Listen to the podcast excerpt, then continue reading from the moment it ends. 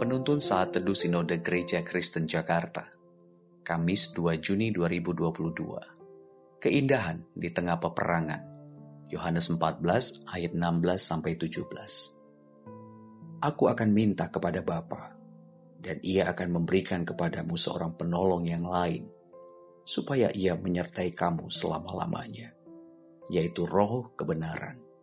Dunia tidak dapat menerima dia sebab dunia tidak melihat dia dan tidak mengenal Dia, tetapi kamu mengenal Dia, sebab Ia menyertai kamu dan akan diam di dalam kamu.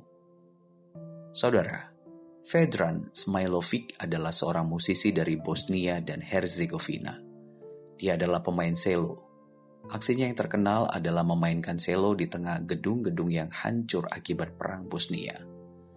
Dia memainkan selonya sendirian di reruntuhan dan jalanan dengan pakaian formal seperti sedang melakukan konser musik.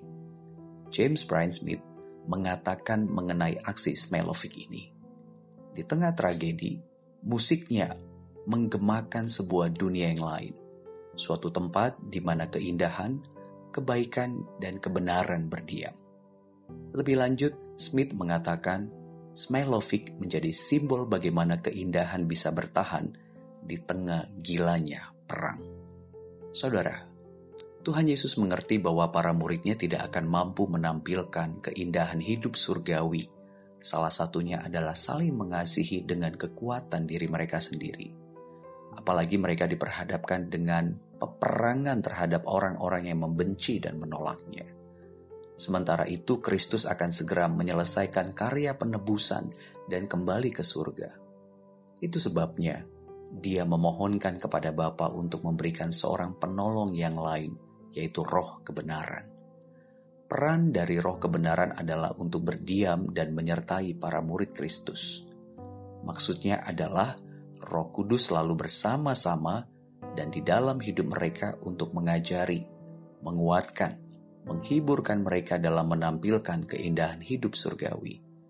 Meski untuk itu mereka akan menghadapi peperangan dari orang-orang yang membenci dan menolak Kristus. Mereka pun dapat mengalami penganiayaan dari orang-orang tersebut.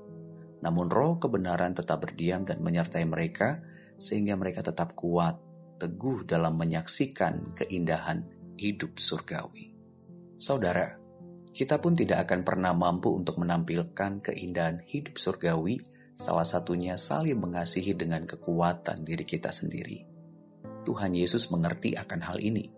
Itu sebabnya dia pun memberikan kepada kita roh kebenaran yang mendiami dan menyertai kita.